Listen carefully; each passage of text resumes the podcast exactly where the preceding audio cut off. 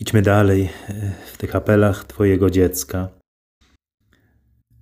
Kolejny apel brzmi: Nie zmieniaj swoich zasad postępowania w zależności od układów. Czuję się wtedy zagubiony i tracę wiarę w Ciebie.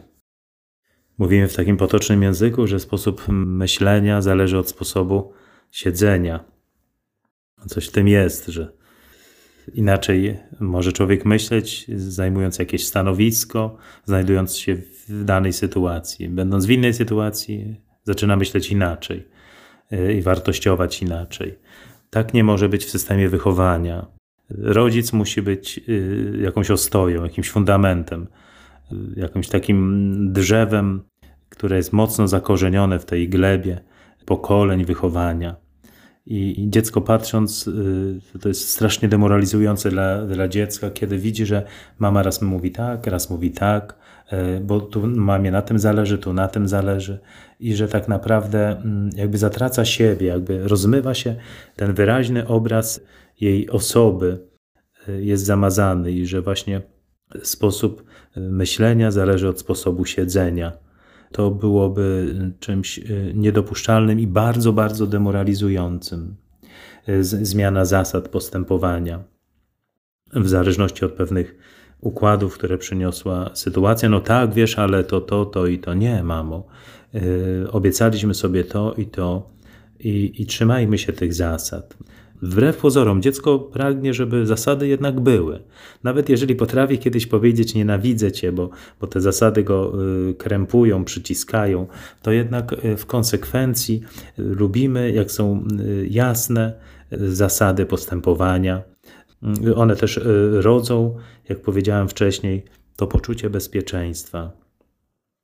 Gdy tego nie ma, gdy te zasady się zmieniają y, w stosunku do, do pewnych okoliczności czy, czy jakichś pojawiających się profitów y, ze zmiany pewnych, pewnych zasad, to wtedy zaczynamy czuć się zagrożeni, zagubieni, niepewni, wręcz tracimy wiarę w tych ludzi czy w jakieś instytucje.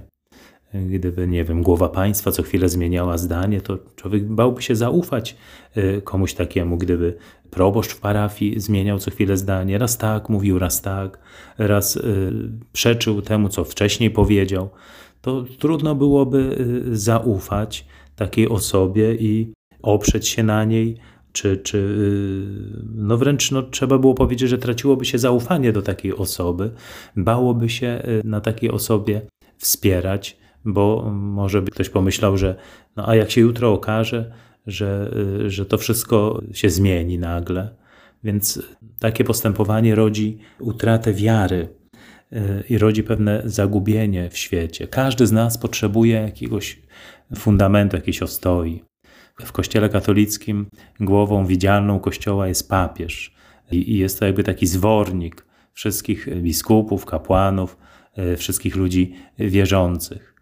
Gdyby papież raz mówił tak, raz inaczej, to, to też ten autorytet by ulegał takiej erozji i, i ludzie czuliby się zagubieni, szukaliby autorytetów gdzieś indziej. Mam takie wrażenie, chcę się mylić, ale że współczesny świat właśnie cierpi na brak autorytetów. Może jakąś jedną z wielu przyczyn jest właśnie ta zmienność y, w tych zasadach postępowania, że ludzie czują się zagubieni, bo nie widzą prawdziwych, y, nie wiem, pasterzy, przewodników, prawdziwych ojców, prawdziwych matek y, we współczesnym świecie i, i jakby gdzieś po omacku ich szukają. Czasami wydaje im się, że znaleźli, a okazuje się, że można z deszczu wpaść pod rynnę. Dlatego trzeba być wiernym swoim zasadom. Kiedyś właśnie pokoleniowo nieśliśmy te zasady. Od dziadków, pradziadków uczyliśmy się pewnego postępowania i, wiara tym zasadom była, była e, jakimś fundamentem, na którym budowało się kolejne pokolenia, całe cywilizacje. Dlatego warto brać sobie do serca ten apel, który mówi, że nie zmieniaj swoich zasad, zasad postępowania w zależności od układów. Czuję się wtedy zagubiony i tracę wiarę w Ciebie.